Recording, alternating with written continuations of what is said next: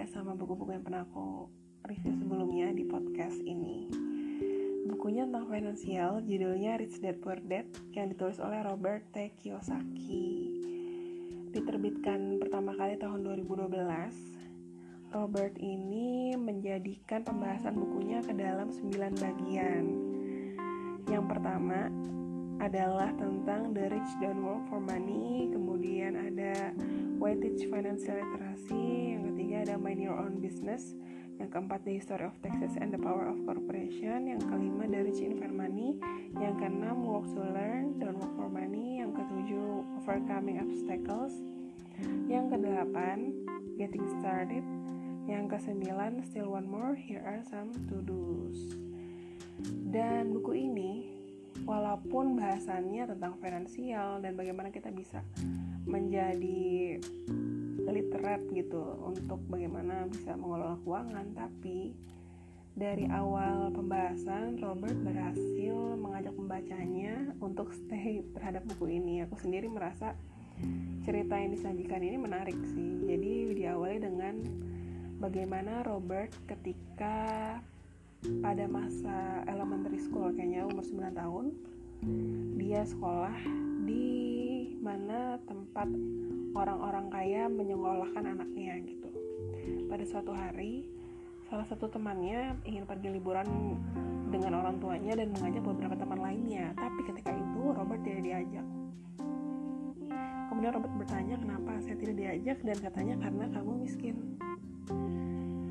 Selain Robert ada lagi salah seorang teman yang tidak diajak yaitu Mike. Pada akhirnya Robert bertanya kepada ayahnya, saya tidak diajak liburan karena nah, mereka bilang saya miskin gitu. Dan itu cukup membuat Robert merasa hmm, berbeda dengan teman-temannya. Begitu juga dengan Mike. Dan setelah itu mungkin menjadi salah satu turning point gitu. Gimana Robert merasa dia harus punya uang dia harus berbeda dan bisa dihargai oleh teman-temannya maka itu Robert bertanya kepada ayahnya, tapi ayahnya ini adalah tipe orang tua yang um, aman untuk finansial. Dia nggak neko-neko, jadi dia merasa kalau misalnya pekerjaan dia sudah aman dan dia nggak uh, taking risk of anything gitu. Kalau misalnya um, soal keuangan dia terbilang biasa-biasa aja dibilang miskin juga enggak tapi dibilang kaya juga enggak karena dia punya banyak tagihan dan uh, bagaimana pengeluarannya itu selalu sama dengan pemasukannya gitu. Kemudian ayahnya Robert ini merekomendasikan bagaimana kalau misalnya kamu bertanya dengan, uh, kepada ayahnya Mike. Jadi ayahnya Mike ini uh, punya apa namanya konsultan bank yang sama dengan ayahnya Robert dan ayahnya Robert tahu kalau misalnya ayah Mike ini adalah salah satu orang yang terkaya di Hawaii. Sedangkan Mike tidak tahu soal itu karena Mike juga uh, dianggap miskin oleh teman-temannya juga di sekolah. Pada akhirnya mereka bertemu dengan ayahnya Mike dan sangat bingung karena ketika itu ayahnya Mike memberikan mereka pekerjaan di hari Sabtu di hari ketika biasanya anak-anak hanya bermain softball or uh, melakukan hal-hal yang menyenangkan gitu di luar rumah. Tapi ketika itu ayahnya Mike meminta mereka untuk bekerja di salah satu convenience store yang kerjaannya menata-nata rak uh, membantu salah seorang kerabat ayahnya Mike. Dan ketika itu mereka hanya dibayar 10 sen per jam. Dengan jam kerja 3 jam ya. Jadi mereka mendapatkan 10 sen di hari Sabtu setiap minggunya. Lama kelamaan Robert merasa kok begini banget sih kerja? gitu. Bahkan orang tuanya Robert pun juga merasa kamu sebagai anak terlalu apa ya diperdaya gitu jadi seperti child labor dan gak terima kalau anaknya diperlakukan seperti itu oleh ayahnya Mike. Sampai akhirnya Robert keberatan dan bilang aku mau keluar dari pekerjaan ini kepada ayahnya Mike.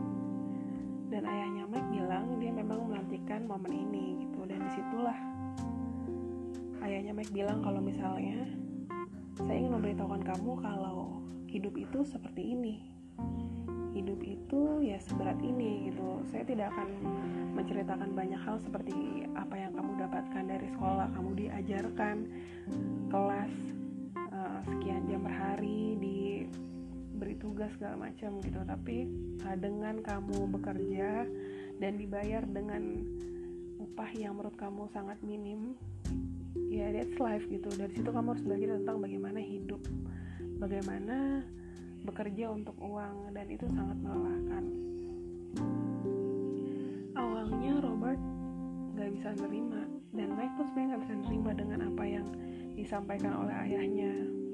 Tapi pada akhirnya setelah dipikir-pikir dan berhari-hari mereka sering ngobrol berdiskusi. Akhirnya Robert dan Mike pun terbuka pikirannya gitu. Sampai akhirnya dia juga pernah bekerja tanpa diupah sedikit pun gitu dan benar mereka akhirnya merasakan oh jadi begini ya kalau kerja untuk uang tuh rasanya begini. Dan pada akhirnya Robert menjadikan ayahnya Mike itu sebagai the rich dad sedangkan ayahnya sendiri ayah kandungnya sebagai the poor dad. Ayahnya sendiri itu the poor dad adalah seseorang yang secara akademis sangat pintar. Namun sangat bermain aman karena dia hanya meminta untuk uh, Robert berpendidikan tinggi supaya punya pekerjaan yang baik nanti di masa depan. Sedangkan ayahnya Ro ayahnya Mike ini adalah seseorang yang keluar dari sekolah umur 13 tahun tapi beliau berani ambil resiko. Dan dia uh, mengajarkan bagaimana anak-anak ini dapat memberikan pada karyawan gitu di masa akan datang. Yang mana artinya mereka harus memiliki perusahaan. Dan tentunya Robert ini memiliki dua ayah dalam tanda kutip yang membuat dia merasa uh, aku selalu punya perspektif yang berbeda gitu. Kalau misalnya dia hanya punya satu ayah dia mungkin bisa menjawab iya atau tidak terhadap pernyataan ayah tapi dia punya dua. Jadi dia memiliki kesempatan berpikir yang cukup banyak ketika itu. Pada umur 9 tahun. Dan bedanya apa sih rich dad poor dad ini kedua ayah ini? Jadi ketika meninggal si ayah dari yang rich dad ini dia meninggalkan uh, tens of million dollars. Ya pokoknya dia meninggalkan banyak warisan sementara si dad ini meninggalkan banyak tagihan untuk dibayar banyak hutang gitu. Nah terus di bab pertama yang dari rich don't work for money di sini diceritain gimana sebenarnya hidup seseorang itu selamanya tuh dikontrol gitu. Dari dua emosi yaitu ketakutan dan keserakahan fear and greed. Gimana kalau misalnya kita itu kerja karena kita takut miskin.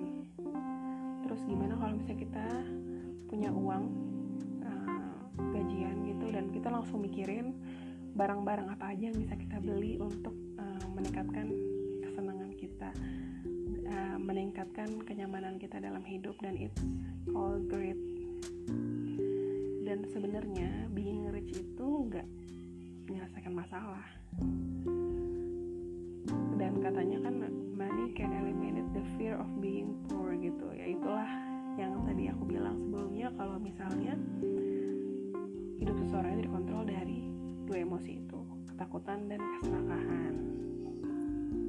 Dan di bab kedua juga seru um, membahas tentang kenapa harus mengajarkan financial literasi karena it's not how much money you make but it's how much money you keep gitu. Jadi ya seberapapun kamu punya penghasilan itu nggak ada artinya. Dan sebenarnya yang paling penting adalah seberapa banyak kamu dapat menyimpan uang yang kamu miliki gitu.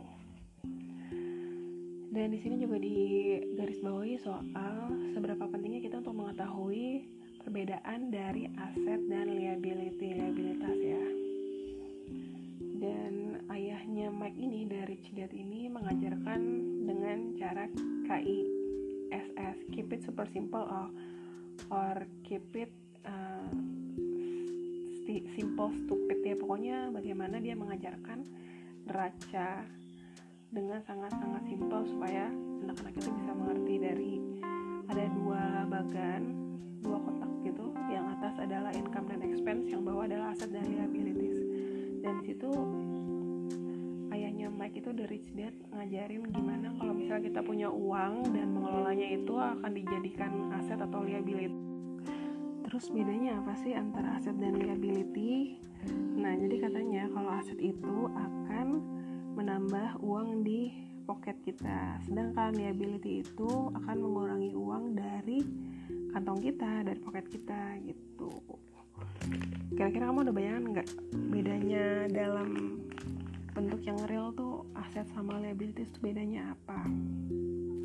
Kayak misalnya house rumah ya. Rumah itu banyak yang ngerasa rumah adalah aset. Padahal rumah adalah liabilities. Kenapa liabilities? Karena ketika kita punya rumah kita bakal bayar pajak properti dan kemudian kita beli mobil beli furniture dan segala macamnya. Dan itu artinya liabilities kita meningkat gitu. Kita um, apa me, mentreat si rumah kita itu sebagai aset utama.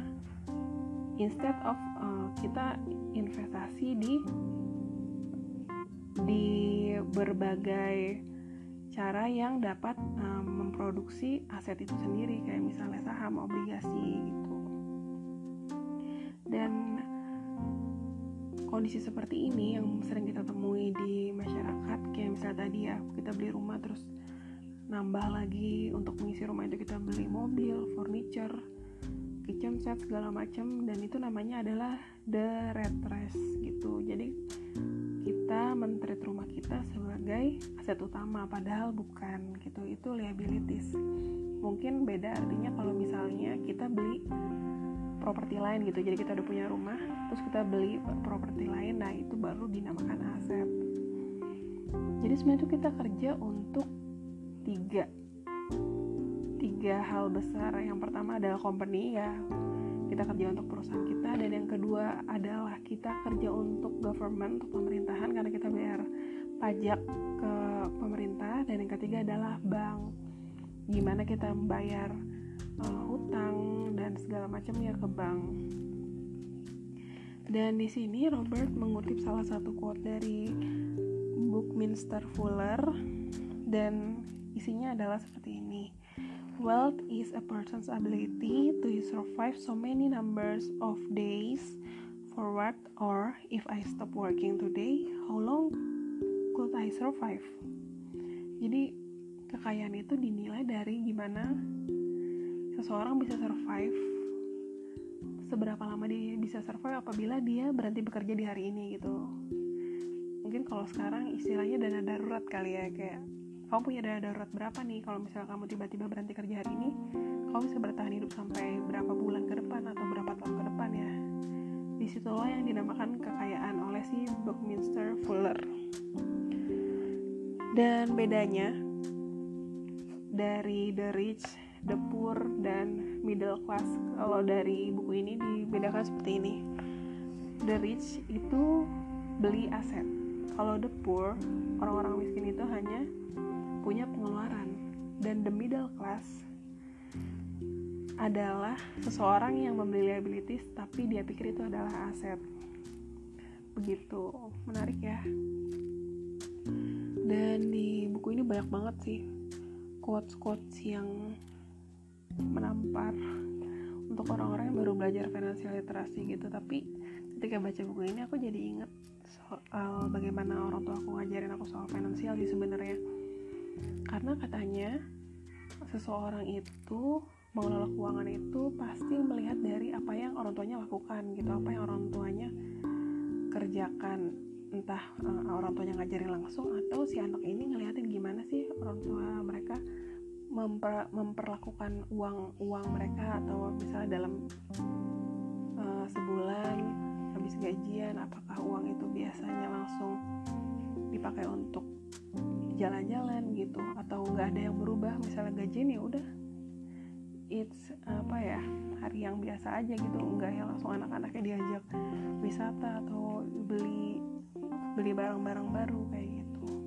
Ya orang tua itu adalah bener-bener guru pertama sih soal finansial. Makanya sebenarnya ilmu finansial itu penting banget untuk diajarin di sekolah. Sayangnya sama ini enggak. Dan di sini juga ada quote soal financial struggle is often directly the result of people working all their life for someone else.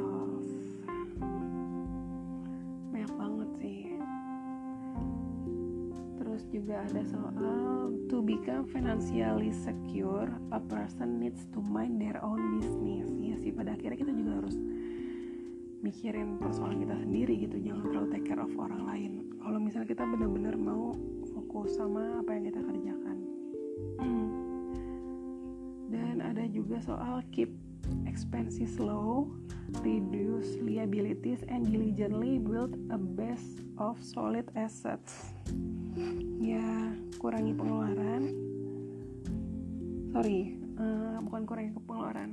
Jaga pengeluaran tetap rendah kurangi liabilities dan mulai membangun aset gitu. Kayak misalnya kalau sekarang kan gampang ya banyak banget tawaran investasi yang mudah dan aman gitu. Kayak misalnya banyak aplikasi-aplikasi semacam bibit, bareksa gitu dan itu sangat user friendly juga. Kalau misalnya kamu mau belajar beli reksadana pasar uang yang yang aman gitu. Kalau misalnya kamu udah berani mungkin bisa beralih ke reksadana saham atau kalau misalnya kamu mau beli obligasi pemerintah untuk mulai belajar ya bisa. Itu semua bisa dilakukan untuk zaman sekarang yang serba mudah. Terus sebenarnya aset itu apa aja sih selain selain yang tadi aku sebutin? Yaitu tadi saham udah bonds terus ada income generating real estate terus notes terus ada royalty from IP gitu misalnya musik, skrip, paten. Terus yang terakhir adalah apa pun yang punya nilai yang punya value dan dapat memproduksi income dan uh, punya marketnya sendiri gitu. Sebenarnya buku ini memang bagus banget sih dibaca untuk siapa pun yang ingin mulai menata hidupnya untuk mengelola keuangan lebih baik gitu. Nggak harus 30 something or 20 something ya. Menurut aku anak remaja juga cocok kok untuk baca buku ini karena bahasannya dikemas dengan sangat ringan walaupun tujuannya sangat besar gitu bagaimana kita jadi financial literate. Dan yang aku ingat lagi di buku ini dijelasin bedanya dari Dad sama Dad itu apa? Kalau misalnya dari Dad ini kalau misalnya dibilang hmm, saya pengen punya ini deh misalnya anaknya bilang gitu tapi uh, atau saya ingin memiliki ini terus ayah si Rich Dad ini bilangnya how can I afford that? gitu. Gimana saya bisa mendapatkan ini gitu kalau misalnya. Walaupun mungkin sebenarnya dia belum mampu saat itu tapi dia jawabnya how can? Tapi kalau the poor dad itu kalau dikasih pertanyaan sama dia akan langsung bilang I can afford that aku nggak bisa untuk mendapatkan hal ini. Jadi tuh emang secara mindset udah pur gitu dan itulah dari dari apa ya orang-orang yang ngerasa jiwanya dirinya miskin gitu kan. Itu berawal dari apa yang ada di pikiran dia. Karena sebenarnya aset yang utama itu adalah pikiran gitu jadi itu dulu episode kali ini semoga mencerahkan kamu yang lagi cari-cari buku soal finansial dan sampai ketemu lagi di episode selanjutnya. thank you